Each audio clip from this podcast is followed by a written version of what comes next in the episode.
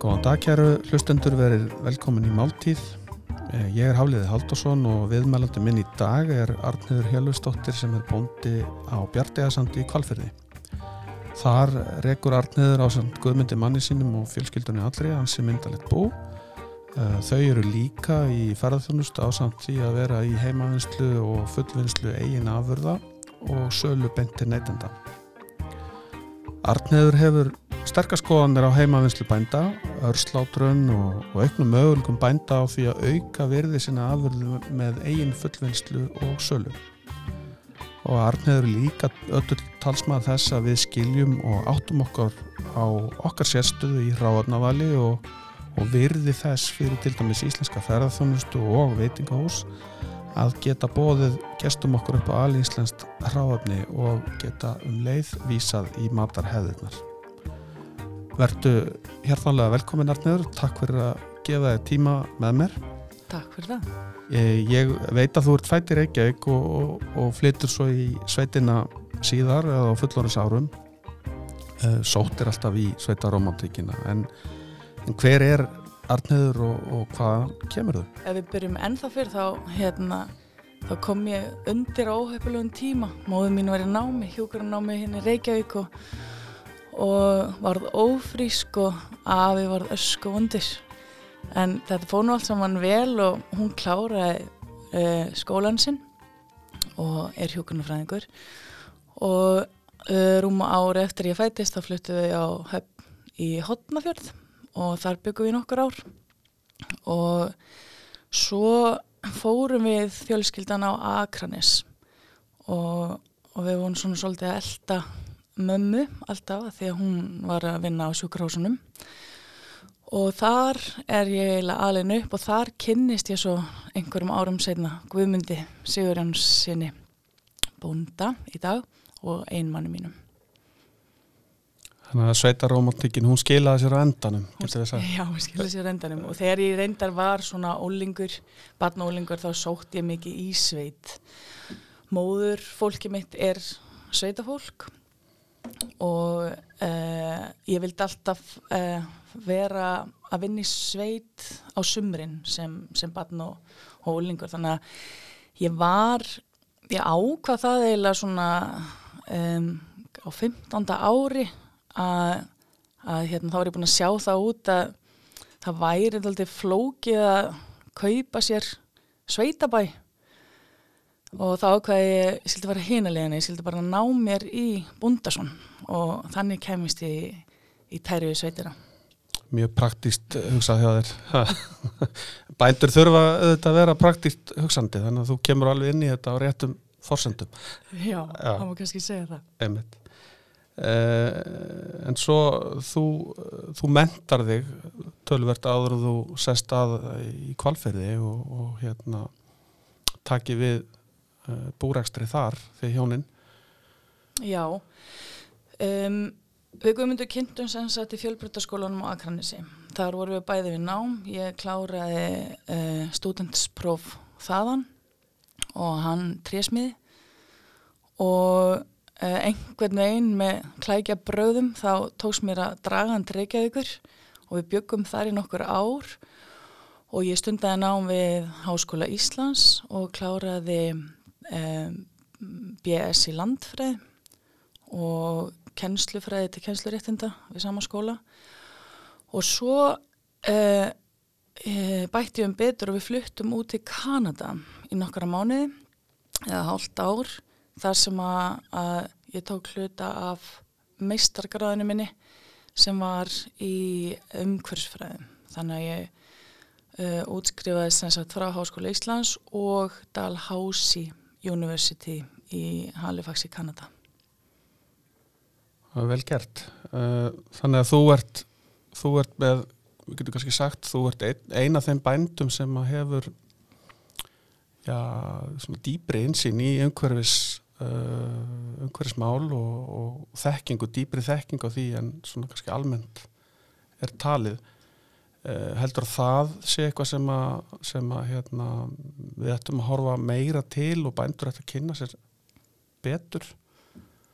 Eða eru, eru bændur kannski almennt læsir á land og, og, og, og uh, viti hvernig ég haga sér í umgengninni?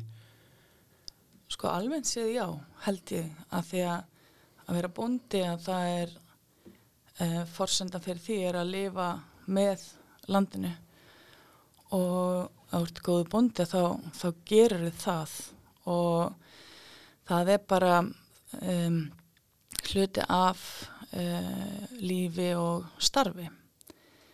Um, hins vegar að þessi insýn uh, mín og mentun í umhversfræðunum eins og þú segir þá, þá diffkaði hún samt skilning með inn á svo mörgum.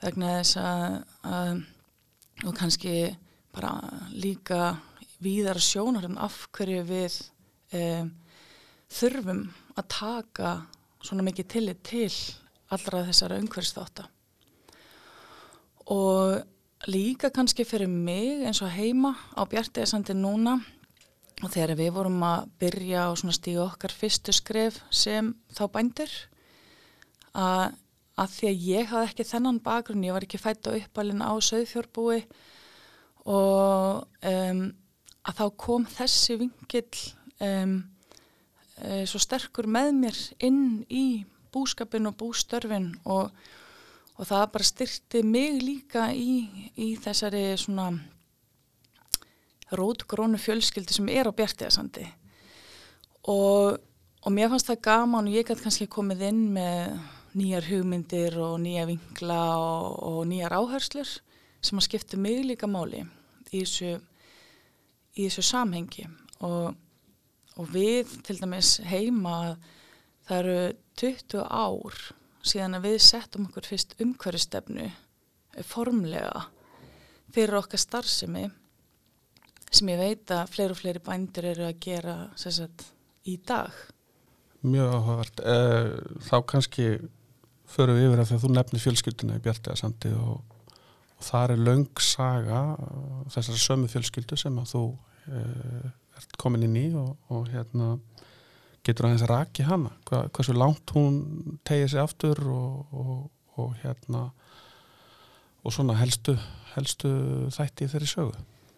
Já um, sagt, það er uh, sama ættin hefur núna búið á Bjartiðsandi síðan 1887 og þannig að það er, það er fymta kynnslóðin af vaksúgrassi sem er fjölskyldu á sveðinu og það er eins og staðan er núna þá er þetta svona pínliti gamaldags uh, fjölskyldu form, það er þrjár kynnslóðir sem búa saman, það eru uh, þrjú íbúðarhús og svo er svona vélavegstæði um, þannig að þetta er um, það er líflegt oft á hlaðinu.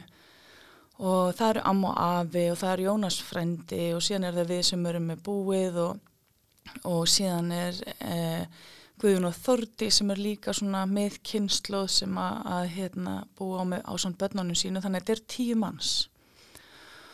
Og um, það er, maður finnur það maður er náttúrulega hluta af þessi dag en var, maður fann það sterkar þegar, þegar við vorum bara vorum að flytja og ég var kynnast öllu þessu fólki hvað, um, hvað þau eru og hvað við erum stolt í raun og veru af þessari fjölskyldu sögu sem þarna er. Og það er mikið svona vísað í hana og í dag þá búum við uh, Guðmundur og dóttur okkar Guðbjörg í elsta húsinu á Torfunni uh, sem var byggt árunni 1928-29 af uh, Guðmundi og Guðbjörgu ömmu Guðmundar og Ava og þá er þau náttúrulega bara að koma úr torfhúsu þannig að þetta gamla hús sem við búum í sem að þegar við fluttum að þá var ekki baðherbyggi inni í húsinu það var bara kamar úti þegar húsið er byggt. Það sé ekki svona 50 fermetrar á mm, þremur hæðum, þröngir stigar lágt til lofts. Þetta var næstu því höll og það bygguði þarna 15 manns uh, og skólinn, sveitaskólinn var þarna í þessu húsi. Og um, það sýnir manni sko og það er en þann dag í dag er að koma fólk sem að var um, í skóla á efstuhæðinni eða var vinnufólk hjá Guðmundi og Guðbjörgu og langar svo að koma og fá að kíkja inn í gamla bæinn. Og allir segja sama rosalega er þetta lítið? Að því minningun er þetta var þetta svo svag, alveg stort hús. Og, og þetta svona um, allt þetta og þessi svona fortíð og þessi uppbygging um, eins og náttúrulega bara allstar í sveiturlandsins um, að þetta skiptir fólk bara svo miklu máli og þetta er svona hluti af fortíðin er hluti af nútíðinni. Maður finnur það svo stert Ég er algjörlega sammála því. Þetta er merkileg saga og, og það að sjá þessi gömlu húsakinni sem að, jú, eru við mitt í notkona þá er sín okkur svolítið hvað hva við höfum það gott í dag. Já. Og uh, fólk uh, sem að byggðu upp þetta samfélag þá þurfti heldur betur að hafa fyrir því hérna fyrir hundra árum og, og, og hvað nú, hvað nú ef, ef við reykjum okkur lengra aftur. Akkurat. Uh, en við erum hér að tala um mat og matamenningu í þessum þætti og auðvitað er þannig að bændur þeir er að framleiða mat alla daga. Um það snýst það starf að sjálfsögðu og það er kannski áhugavert að heyra hvernig ykkar búrækstur, hvernig hann er samsettur því að ég þykist vita að það sé hefbundi búskapur en, en svo eru svona þættir sem að sem að já, vika út uh, reksturinn og að breyka tekju, tekjugrunnin ykkar. Já, akkurat. Um, það urðu kannski bara svona kaplaskil í kringum 1980 þegar tengdafóldar mín er ákveða að byggja ný fjárhús á jörðinni. Og það eru fjárhúsin sem við erum að nota í dag. Þetta eru um, uh, fjárhúsin og núna þá hlaðan rúma um eða rúmlega 600 fjár og það er sá fjöldi sem við erum með í dag. Það er í kringum, eða réttæflega 600 æra og vetrafóðurum og það er búreksturinn svo eru við náttúrulega með það eru, uh, það eru nokkrir hestar, það eru nokkra geitur, við erum yfirlt með einhverja grísi svona á vappi yfir, yfir sumatíman og það eru íslenskar hænur og hundar og kísur og þess að þess en búreksturinn snýst aðalega eða er söðfjöröktin fyrst og fremst. Annað er svona til hlýðar og það er rétt hjá þér en svo höfum við svona verið að tegja okkur í aðrar áttir en grundvöllurinn eiginlega af öllu því öllu þessu sem kemur til hlýðar byggir á söðfjöröktinni samt. Og það er svona hjartað í starfseminni. Um, við byrjuðum fyrir, eða tókum svolítið við kepli frá tengdamáðum minni Kolbrunnu fyrir 25 árum síðan, svona fyrst þegar við bara fluttum heim að þá hafði hún þá hafði ég svolítið áhuga á öllu sem tengist svona uh, mentun og fræðislu ný útskrifur háskóla búin að taka kennslu uh, fræðina. Og mér fannst gaman að upplifa að Kolla hún átti vini í leikskóla á Akranesi og bauð Garðarseli sem er einn af þeim leikskólum sem þar eru alltaf í heimsók í sveitina á vorin að kíkja þetta voru kallar, kallar lambaferðir. Og þá kom bara allir leikskólinn og, og eitti dagsparti í sveitinni.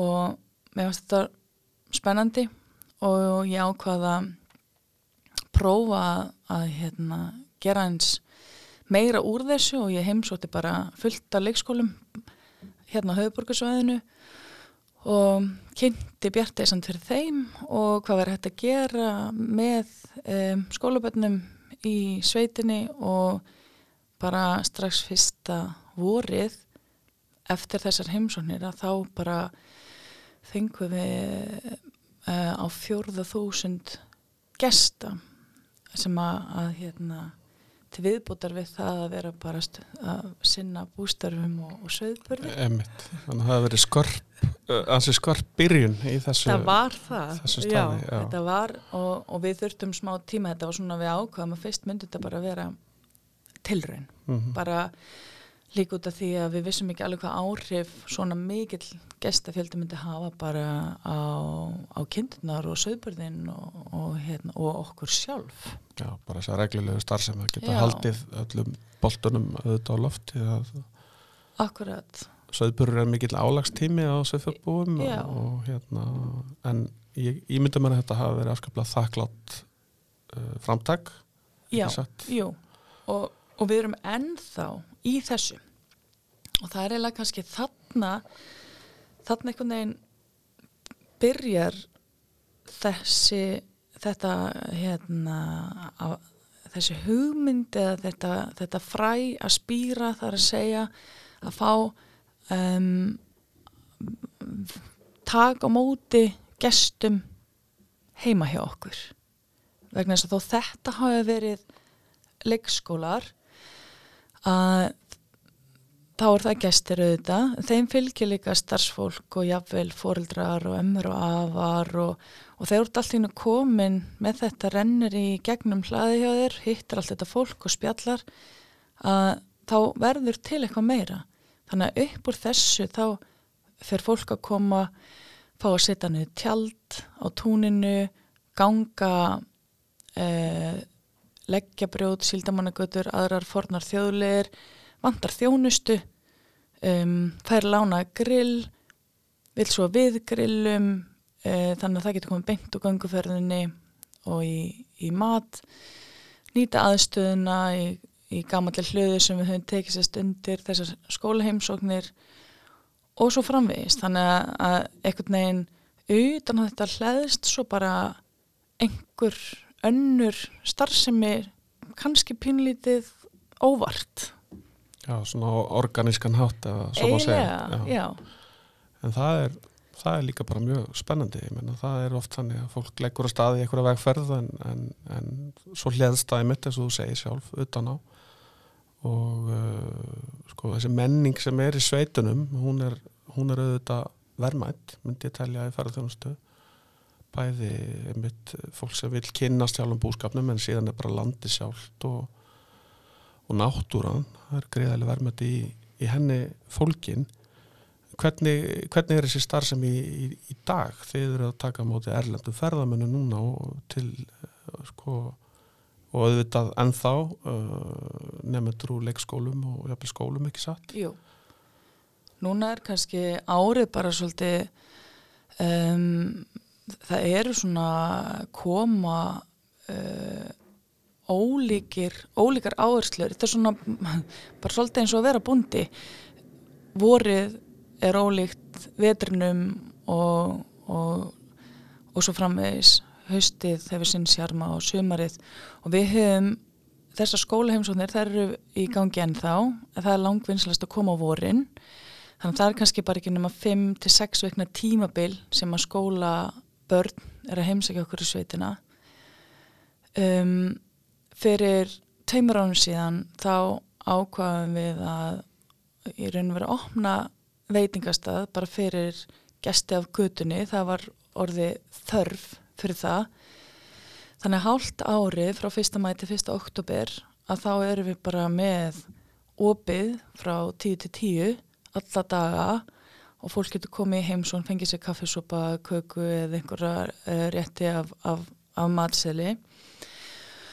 Og allt áriðin kring tökum á móti hópum í sveitina uh, bæði í það sem við köllum bara og það er fyrir útlendinga bara einhvers konar farm visit sem er þrýþætt og þetta er þá kannski tækitíma heimsókn geta verið allt frá einum einstaklingi og upp í bara 50 manna hópa. og við byrjum alltaf að taka mútið fólki og, og bjóði inn og segjum þeim aðeins frá, bæði frá okkur en líka bara frá íslenskri menningu, íslenskri sveitamenningu, hvernig er það sögþjórbúnd á Íslandi og hvernig það bara tengist þjóðarsálinni um, og, og hvernig sögþjór bara hefur haldið lífi í okkur í gegnum aldinnar þannig að þetta er kannski svona 20 mínuna 20-30 mínuna kynning eða fræðsla og spjall og þá finnum maður líka hvar áhugin liggur hjá gestunum. Þetta er eitthvað annarkvært fólk sem er bara að koma af rosalega Malbyggsvæðum, bara úr stórborgum hefur bara aldrei verið í svona mikilli eh, sveit, miklu dreifbili, þannig að það er svona næstu líka að díla við næstu því svona kultursjokk og, og eða þá að þetta er fólk utan úr heimi sem sjálft býr í sveit. Og þegar það ferðast þá ferðast það til annara bænda. Til þess að læra og sjá Já. hvernig hlutirnir Já. eru. Já. og bera saman og, og, og bara eiga, eiga spjall. Og svo förum við hluti þá að heimsókninni er þá að taka uh, röld og kíkja í fjárúsin röldanir í fjöru við erum, erum heppin, við erum staðsett þarna bara náttúrulega eins og sagðir inn í kvalfyrði og, og við höfum fjöll, fjöllin og fjöruna Mhm. og fólk sem býr inn í landi hefur kannski meira sér aldrei komið svona nálægt sjó aður. Þannig að bara eitthvað sem er daglegt brauð fyrir okkur, það er bara eitthvað upplifun fyrir annað fólk. Og það er gaman að geta einhvern veginn veitt það og verið svona þetta millistykki fyrir fólk til að upplifa bara eitthvað allt annað heldur en það er vant. Og svo endar heimsóknin á einhvers konar uh, matarupplifun og það fyrir bara svona svolítið eftir hvað fólk hefur áhuga á þetta þegar við erum, þegar fólk er að koma til okkur utan svona hefðbundins opnunutíma þá veit maður aðeins fyrirfram um, og er bara búin að vera í einhverjum samskiptum við gestina áður þeir koma og það er þá framreitt einhvers konar hefðbundin réttur úr, úr eldhúsi húsfröðunar. sem að oft samanstendur vantala úr ráefni sem að ke- kemur úr ykkar eigin Já. e, búskap, Já. ekki satt Já. Þannig að þarna er allt tengt saman náttúra, saga, menning Já. og yfir í matinn þannig að það er matarmenning, það eru íslenskir réttir í sjálfur sér Mm -hmm. og íslensk Já. þannig að þetta er svona heildar menningalega upplöfun uh, fyrir ykkar gesti Já, það er það sem við reynum. það er mjög spennandi uh, síðan uh, finnst mér áhugavert að þið eruð í þeim hópi bænda og kannski smá framleiðenda sem að eruð að framleiða eigin vörur til sölu utan búsins líka. Já, uh, getur svona aðeins að rækja hvernig það hófst og svona hvernig þið uh, komið ykkar vörum á, á markað og, og svona kannski hvernig þeir möguleikar hafa þróast svona undanfærin örfá ár? Já. Það eru rúm tíu ár síðan að það örði til samtökjum beint frá bíli og við fylgdust með því og stopnum þeirra og við vorum bara mjög áhugasum strax varðandi það vegna þess að um, eins og þú sagðir áðan að þú veist það er þessi svona einhvern veginn organíska eftirspurð. Það, við vorum alveg búin að upplifa það að það var koma fólk til okkar og spurja getum við ekki fengið lambakjöt hjá ykkur um, fólk sem er búið að koma í heimsókn ár eftir ár eftir ár, það er búið að mynda tengsl við okkur búið að kynna sér hvernig starfsemin okkar fyrir fram um, var sátt við hvernig við uh, hugsum um okkar, okkar dýr og hvernig hugmyndifræðin okkar er. Og þannig að við, við svona, en við höfum aldrei kannski beint stíið það skrif, en svo verður til, til þessi samtök eh, beint frá bíli við erum þáttakundur því alveg frá, frá upphaf og þá svona um, verða til þessi grásóta samtök sem að svona fara að riðja þessa braut, þessi að hvernig getum við þessi bændur, framleiðendur selt sína við rálegulegan hátt og örugan hátt. einmitt, og uppfyllt gröfur neytenda já, sem vilja svo sannarlega margir, ekki Já, allir nei, vilja vita hvaðan var hann kemur og, og við hvað aðstæður dýrin lifa. Akkurat. og hérna þannig að þarna er, er að myndast gatamarkanu fyrir kannski tíu ára síðan Já. sem að, er ennþá ekki satt í, í töluverið þráun og, og hérna og svona dreifi leiðir hafa styrst, ekki satt síðustu, síð, bara síðustu, síðustu árið eða svo. Jú, bara sko nú á dögunum var verið að stopna nýjan félagskap uh, félagsmá framleiðanda held ég að heiti. Og uh, að því að þessi hópur hann þarf uh, sko beint frá bíli dálítið svona miðar að lögbílunum. Um, en það eru fleiri smáframleiðendur heldur en sem búa á lögbílum þannig að, að hérna það er alltaf þessi hópur er að stækka hann er að styrkjast þar sé að framleiðendana en hann gerir það náttúrulega að því að, neytendur vilja. Þe- þe- þetta verður að samspil þessar begja, aðila. Eftir spurnin ekst já, Já. akkurat. Og það er líka það sem er spennandi fyrir neytandan tel ég að með því þá líka ekst fjölbreytnin og valið verður meira fyrir neytandan og allan eru við að upplifa það það er það sem, að, það sem fólk vil vegna þess að þetta er þú borðar ekki bara til þess að uppfylla þessa nöðslu þörf að fá mat, stundum borðar líka að því að það er þú ert að búa til einhverja sérstaka minningu eða þú ert að prófa eitthvað alveg nýtt og þetta er hluti af hátíðum, þetta er hluti af samveru með fjölskyldu, vinum og þannig að matur getur svo miklu meira heldur en bara fóður ég er sammála því og, og þegar við ferðumst sjálf allavega við sem höfum áhuga mat þá, þá tengjum að við þau svæði hvort sem það er hérlendis eða erlendis algjörlega. mikið gegnum mat Einmitt. og matur og matarmenning segir svo mikið sögu hvers svæðis og jafnvel sögu sko af aðstæðum efnaðslegum aðstæðum og, og landfræðilegum, veðufarslegum aðstæðum að við komum til stað Akkurat. þannig að matar, matur er, eh, er svo stort kort eh, um sögu og aðstæður fólks hvar sem það nú býr sko. Algjörlega.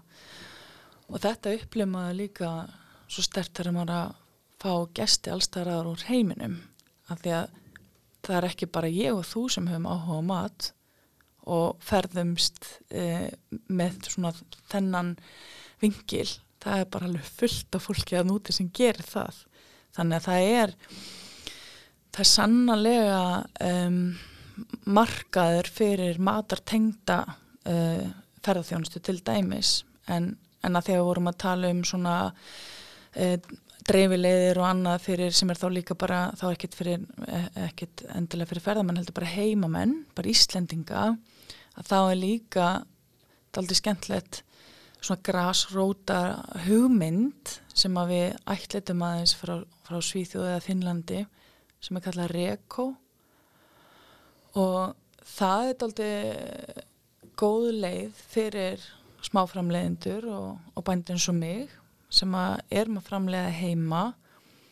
Og, og hérna en erum ekki með fast vöru frambóð í einhverju vestlun Nei, einmitt. við erum ekki, við framleiðum ekki það mikið að, að við hreinlega getum, vestlunarinn vilja okkur ekki að því að það koma tímabil þar sem við getum ekki framleitt Já, og jafnvel meiri hluti árs í mörgum tilfellum. Já.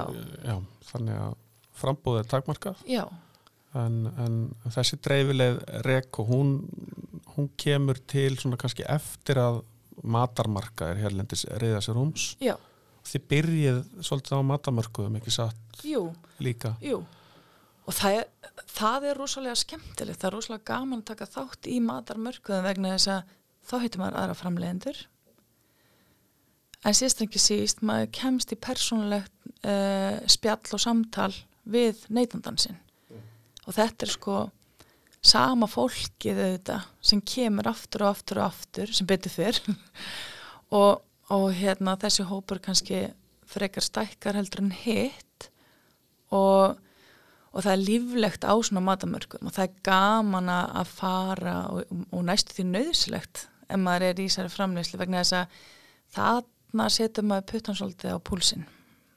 Já, hittir fólk sem er Já. að gera sama hlut og, og, og svona samfæris kannski um það að maður sé að gera rétt og, Já. og, og, hérna, og fær hugmyndir. Fær hugmyndir og fólk, fólk kemur uh, og spyr uh, ætl, er þið ekkert að gera þetta? Mér vantar svo, mér langar svo að smakka um, svona um, kjött eða, eða hvað sem það er og þá þannig maður líka svona að fá halda sér kannski uh, ferskum í þessu sagt, og, og vera svolítið svona meðvitaður um það hvað hvað hérna hvað fólk langar að kaupa sem að maður fær kannski síður sko ef maður er bara að stilla vörinu sinni upp í hillu og nær ekki þessum, þessum hérna, persónulega kontakt. Akkurat og þessi persónulega kontaktur og það fólk uh, viti hvaðan var hann kemur, hver bóndin er og hver er aðstæðunar eru. Já. Það, það er nokkuð sem eigur bæði kaupvilja og getur auki virði afverðan ekki Já. satt. Fólk er tilbúið, margt, margt hvert er tilbúið að borga meira fyrir slíka vöru en en vöruna sem að, sem að getur nálgast í verslum. Já og bara um, ég held að þetta sé líka kannski bara svona hérna um, liður í þessari upplifun sem að ræða áðan og kemur og þú kaupir uh, tvírekt hangilæri frá bjartiðasandi. Þetta er uh, læri sem þú ert að skera smá flýs af alla aðvenduna og þú býður þeim sem koma í heimsóntiðin smá flýs og það er svona hjá mörgum tilherir aðvendunni svo ég bara taki sem dæmi og, og þá verður það til sko eitthvað bara já, já fyrst þetta fyrst þetta bjarti eða sandi, já, ég hef heyrt um það og svo byrja kannski eitthvað spjall að því að þessi staður og þessi bær eða einhver annar bær, skilur hótli eða, eða gröf eða hvað það er um, þannig er alltaf einu komin einhver saga. Þú getur sagt frá því hvaða matur kom alls gott rauðvín eða veist, þetta er bara þetta, þetta gerir bara meira úr þessu læri að vita hvaðan það kom hvað hérna hvað bóndin heitir og hvernig það er verka og það er kannski eitthvað sérstætt skilur, það er kannski eitthvað sérstætt við reykúsið eða eitthvað sérstætt við söltunina eða sem að þú vilt vita og getur svo sagt þeim frá sem að þú býður að smakka. Þannig að þetta er bara einhvern veginn það, það verður, já, það er auki verði Akkurat. Og, og þarna er við, er við kannski, getur verið að við Íslendinga séum svolítið að, að uppgöta núna uh, það hversu mikið virði er í sko, okkar matar hefðum, getur við sagt. Við eigum hefðir uh, við eigum auðvitað ekki mörg ráðni með að við eh, sko lönd á söðlaðar í slóðum. Akkurat. en við eigum ákveðin að skapla góð ráðni, það er fiskurinn og, og, og það er lamp og það er það sem að vex jafnvel vilt í náttúrunni sem, sem að kokkar og svona matgæðingar eru fyrir að horfa meira til bara á síðustu árum. Þannig að hér er ímislegt eh, sem að hægt er að nýta uh, og auka virðið. Uh, mér langar aðeins að spyrja aftur að því að við tölum um reko á hvernig, hvernig gengur það fyrir sig, hvernig geta neytendur nálgast vörur frá smáfræðilegandum og bændum í gegnum reko. Já um, við erum svona, þetta er búið að vera núna í um það byl eitt ár og uh, flækjustegi fyrir neytandan er að hann þarf að vera á Facebook. Þetta sér satt um, þetta er sölu leið í gegnum Facebook. Þetta er ekkert allir þar. Og bara það er svona ákveðin svona þröskuldur. Um, þetta er snýst um millilega laus viðskipti. Þar sem að framlegandi setur bara lista yfir það sem hann er að selja og verð og það snýst það um það að þetta séu margi framlegindu saman. Sest, ég er ekki með sérsíðu og svo nákvæmlega minn með einhverja aðra og neytandi þarf að vera að leita á mismunandi síðan heldur söpnu okkur saman á eitt stað. En þetta er eins og þetta er núna að þá er þetta svæðis skipt yfir Ísland. Þannig að við erum með eitthvað sem heitir Reko Vesturland Reko Reykjavík, Reko Norðurland. Þannig að þetta er svona minni grúpur út um allt land framlegendur á þeim svæðum sapna sér saman inn í þessu grúpu bjóða um, vörur og svo er afhendingar tími og ef við tökum bara hérna fyrir höfuborgarsvæði þá er bara fastur afhendingartími fyrsta miðugudag í hverju mánuði. Og neytendur sem að læra inn á þetta þeir geta gengið að því vísu þeir fara inn á þessu síðu Reykjavík sko það eru kannski 6 til 12 framleiðendur sem er að bjóða vöru í hvert skipti. Það er ekki endilega sama milli afhendinga. Þú getur verið með meira svona jólatengdarvörur í desember eða, eða hérna e, svona sumartengt yfir, yfir sumari þá eru svona meiri fleiri græmitis til dæmis framleiðendur sem eru að bjóða vörur þá. Og um, neytandinn skoðar þetta fer yfir listan hjá framleiðendunum og svo bara pantar hann þar. Segir bara, já ég ætla að fá hérna um, tvær bláberja sultur hjá þér og um, beikon hjá þér og, og um, saft hjá þér og hunang hjá þér. Og svo bara söpnust við saman á þessum fyrirfram ákveðna stað, fyrirfram ákveðna tíma fyrsta miðugudag í mánuði, í mjóttinni höfum við verið hérna á höfuborgarsvæðinu og þá bara koma allir þessi framleindur með vörnar, mertar viðkomandi kaupanda og við skiptumst þarna á. Um, þeir fá hérna, greiðslega hefur reynda fara fram það er enginn, þetta er bara afhending. Og, og hérna, þú hittir fólkið og spjallar aðeins og segir fréttur úr sveitinni og, og svo fyrir fólki heim með vöruna sína frá mismunandi framleiðendum eða bara frá einum, einhverjum uppahólds framleiðenda Já, einmitt Þannig að þetta er að virka vel og, og, og þetta er búið að byggjast upp í hvað? Ár? Ár, já. Núna, já. já.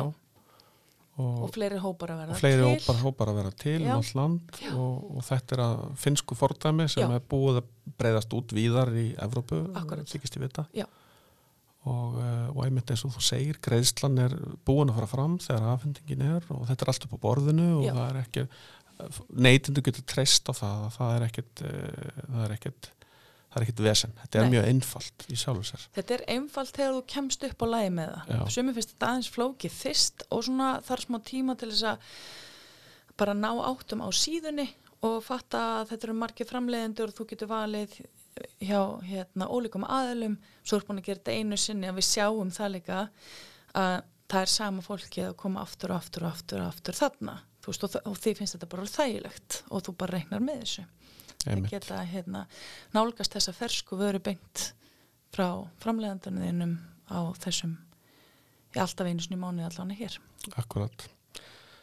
Ef við eh, svona spjallum aðeins um lambúnaðin aftur eða bara eða matvæli þess að matvæla framleiðslu sem að hér fyrir fram. Við erum augljóslega matvæla þjóð við erum stór útflytjandi á, á fiskaförðum og eigum okkar landbúnað og alls konar matvæla framleiðslu hvernig, hvernig getum við auki virði þessara matvæla okkar? Og, og þá er ég að hugsa ég er að hugsa svolítið kannski út frá uh, sjónarhóli bændana sem eru mikið til frumframleðendur en, en, en, en margir eins og þú og, þín fjölskylda í ferðarþjónustu líka og, og sölu beint til, beint til íslenskara neytenda.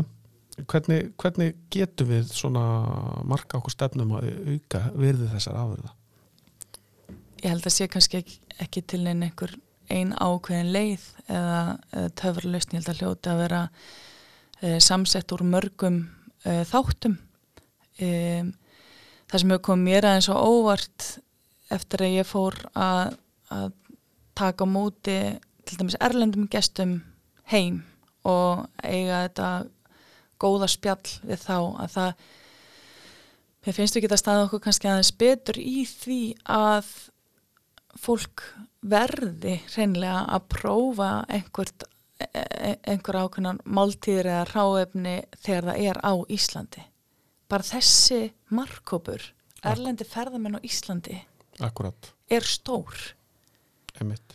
Og þó að það séu kannski einhverjar, einhver, einhver niðursveifla núna, það mun ná í jafnvæg, við verðum alltaf með stóran hóp erlendra ferðamanna á Íslandi og við þurfum að ná til þessa hóps og gefa þeim þessi þannig góða fisk sem við eigum verður að smakka lambakjött mér er alveg sami hvaða formi. Kannski einhver vilja bara smakka kjöttsúpu og aðri vilja alvöru lamba eða þess að lambasteikar á, á góðu veiting á húsi.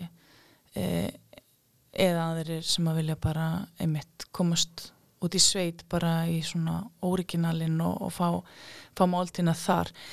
Alveg sama með hvað hætti. Ég held bara við þurfum að ná betur til þessa hóps vegna þess að það er búið að gera rannsóknir og skoða að, að það er of hátt hlutfall ferðamanna sem að er ekki að upplifa þessa, þessa matamenningu sem við höfum. Já, það er beint tap eflust bara fyrir ferðarþjónustuna sjálfa. Já, uh, og auðvitað þá framleiðendur sem að baki standa. Já, það er líka til tölu sem sína það að kannski verðmættistu ferðamennir þeir sem að, þeir sem að eyða mest í sinni heimsók mm það er oft, oft á tíðum fólk sem hefur áhuga á matamenningu Já. eða áhuga bara á menningu viðkomandi svæðis sem það ferðast til Já. þannig að, að, að við værum svolítið að svíkja þann hóp ef að við stöndum okkur ekki í því að bjóða upp á íslensk, uh, íslenska upplifun í, í mat akkurat. Hvort sem það er einmitt í einföldu formi Mm allir þurfum við að borða hverjum degi og ofta dag og einfalda formið er það algengasta -hmm. en svo gerir fólk vel við sig og, og, og kaupir sér dýramáltíðir á flottustu veitingahúsunum líka Já. og, og við þurfum líka að gera betur í því að fólk uh, verji hluta af uh, fjármunum í að borða góða mat út á landi. Það er mikill munur á því hvaða eigðir í Reykjavík í mat og svo landsbyðinni. Þannig að það þarf líka aðeins að við þurfum, að við þurfum að gera betur þarna og ég held að sé, ég held við getum það alveg mjög vel. Það, það er bara hérna um, er að vinna í því og það er aðeins að greina niðurstöður þessara rannsóknar sem er búið að gera, þessar tölur sem við höfum og, og, og vinna okkur út frá því. Það hefur svo í gegnum tíðina auðvitað verið spáð í ímislegt, til dæmis eins og bara að, að hérna, gera bændum kleift eða, eða um, auðvelda að koma sínum vörum beint á framfæri og selja beint án þess að vera að líta það sem einhverja sko ógn við annan farveg. Það, og það er það sem ég hef stundur svolítið upplifað það er svona um, að sko fyrir mér það útlökar eitt ekki annað. Ég held að fjölbreyttar leiðir sé, það sé gott að fjölbreyttar leiðir. Ég held að svona þessi, þessi starðarhagkamin sem er verið að horfa svo mikið á það, það þarf ekki að vera það þarf alls ekki að vera slæmt að vera með uh, lítil sláturhús. Nei, til dæmis. Akkurat. um, það hefur verið rætt um og það hefur verið skoðað verið farið á margarferðir til Evrópu, hópar að skoða lítil sláturhús heim á bílunum, jafnvel svona farand sláturhús, slátur bíla sem ferðast á milli.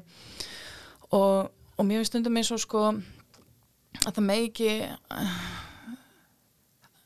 að megi einhvern veginn ekki alveg ræða þetta. Þetta, þetta er svona, svona einhver tabu umræða. Og ég held að, að það megi alls ekki vera þannig vegna þess að ég held að fjölbreytnin sé bara góð, það fara aldrei allir einhverja eina leið er það, Nei, það, ég hef ekki tróð því. Nei.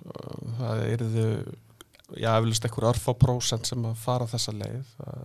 En síðan er annað með ákveðna vörur, við getum kannski tekið ákveðna lambúna vörur eins og kjöt, Mhm. bara, við getum sagt bara kjöt sem, sem heild, hefur náttúrulega mismöndi tegundir og mismöndi flokka, en, en það vantar svona mínu viti kannski svona verðtegni í markaðin. Já. Margir segja að, að, að nautarhyggur sé bara nautarhyggur eða lambalæri er bara lambalæri og, og það er engin verðtegni í markanum á milli þess hvernig, já, kannski kjötið var meðhundlað, hve- hvernig það var alið uh, og síðan þessi þáttur slátrun og úrvinnsla. Já. þannig að ég held að það sé alveg rétt hjá þér að, að svona meiri fjölbreytileiki hann getur líka skapað mismöndu svona hillur á, á markanum fyrir afurðir. Akkurat, og, og þá bara stutt þetta stýður hvað annað. E- þetta er ekki þetta er ekki andstæður, þetta er ekki bein samkefni, þetta er fjölbreytni sem er held ég góð. Einmitt. Það eru nokkrir áratýr, ég, ég held að við munum kort eftir því en það er bara nokkrir áratýr sem það voru mjölkubúðir sérstakar Já, til dæmis í Reykjavík. Já. og uh, aðrir gátt ekki selt mjölk Já. en það þótti einhverjum tímapunkti batsins tíma og, og þessu fyrirkomulega var breytt og nú getum við nálgast mjölk ansið við það, líka út á bensinstöð og hérna ég held að vilja enginn fara tilbaka í gamla farið þar. Nei, Nei. En uh, er eitthvað síðan að því að við erum nú hérna að tala um mat og, og auðvitað er þú svo nátengt mat og matarkultúru, ert að framleiða, framleiða af, eigin afurðir og, og taka mútið ferðamannum og annað. Er eitthvað sem við þurfum að passa sko við Íslendingar uh, að glatist ekki í matarkultúrnum. Þá er ég að tala sko, ég kannski tala meir um hluti sem eru svolítið almennir í dag á íslenskum heimilum. Uh, er eitthvað hér sem að, sem að við gætum í klaufaskap tapað en þurfum að hafa, að hafa í huga að gera ekki. við þurfum að vera áfram stolt af því hverju við erum hvaðan, hvaðan við komum og um, hvernig við höfum bara unni matvæli í gegnum tíðina. Sumt þróast bara út af því að það eru geimslu aðferðir, ekkert flóknar en það, það bara þarf að eiga mat og hann má helst ekki skemmast. Um, og okkar kannski svona matarmenning kannski lítast svolítið, svolítið af því. Við erum, við erum líka rosalega dugleg að búa til eitthvað nýtt og, og þó að, að eins og segir, ráefni annar staðar, suðlegari hérna, slóðum í heiminum miklu meiri fjölbreytileiki að þá finnst mér rosalega mikil gróska í matvæla framleyslu og ek ekkert bara hjá bændum bara því ég bara tala um heilt, heilt yfir í, í því sambandi. Og, og maður sér það bara þegar maður sækir eins og þessa uh, matarhátíðir eða matarmarkaði það er alltaf eitthvað, eitthvað nýtt og spennandi og, og skemmtilegt að þróast. Um, og samlega því auðvitað þurfum við að, að, að gæta okkar að, að eitthvað tapist ekki. Höfum við tapað einhverju Manstu Nei, ég er ekki, ég er ekkit viss um það að við höfum tapað ykkur en ég er svona að hugsa stundum bara hvort að, hvort að það sé hætta á því Mhm, og þá er ég nú bara að meina þess að þannig stundum kannski talað um við getum sagt alþjóðavæðingu til dæmis í Já. bara landbúnaði og, og sumstæðar í heiminum þá hafa, hafa til dæmis bara húsdýra tegundir akkurat. tapast Já. vegna þess kannski einhverjum afskektum dal í Ítalju uh, komu sérfræðingar að sunnan eins og maður kallar Já, það uh, og ráðlögðu fólki að leggja af búskap með ákveðna tegundir Já, og flutt inn kannski tegundir sem að gáða sem meiri afurðir. Uh, en svona eftir á að hyggja urðu til þess að ákveðin sérstaða þessa svæða, þessara svæða og ákveðina afurða, kannski osta úr Já. mjólk, kúamjólk eða anna, annari mjólk töpuðust. Töpuðust, já, og fást aldrei aftur því að á endanum dóu þessi hústýr út já, vegna þess að þau voru ekki nýtt í landbúnað. Þannig að ég er svona ég er ekki að segja að við, þetta sé svona dramatíst en, en, en, en við höfum bara þó, mörg já. fordæmi erlendis frá. Og, um, og hérna þannig að ég er svona með okkar kannski tiltölulega fábreyttu flóru í, í, í ráöfnum þá, þá er ekki þá er það mikið tap eða eitthvað eitt myndi hverfa. Já, og þannig að það er svona kannski það sem ég var að spá spá, og það er kannski í því samhengi má líka kannski bara aðeins gera sér grein fyrir ég held að það sé mjög mikilvægt að að við áttum okkur á sérstöðun okkar. Þannig að, að og hún er stundum svo sjálfsögð. Já, skilur hún þetta er bara eitthvað sem hefur alltaf verið og þá, þá er ég að horfa til dæmis á eins og að, að hérna til dæmis bara með söðfjö á Íslandi og þetta fyrirkomulega með svona þetta þessa e, þetta frjálsa aðgengi þess að, að hálendi og, og, og, og þessari, þessum víðernum. Um, þegar þú færð erlenda gesti og búin að taka á móti þeimindaldin tíma þá, þá áttar það á því að þetta er sérstakt á heimsvísu? Þetta, þetta býr til sérstöðu sem að maður alveg svo sem áðan sem er samt eitthvað svo sjálfsögð í okkar huga. Þetta er svo nálagt okkur. Þetta er svo, já, við erum svo vönissu og stundu þarf maður akkur þetta, maður þarf eitthvað utanaðkomandi til þess að kveikja á perunni hjá manni. Bara uh, okkur finnst henni þetta svona rosalega merkilegt. Svo fyrir maður að skoða þá bara já þetta er reyndar mjög merkilegt uh, þó þetta sé svona allstæðar á Íslandi en þá, þá er það bara hvergi annar staðar í heiminum með þessum hætti. Akkurat.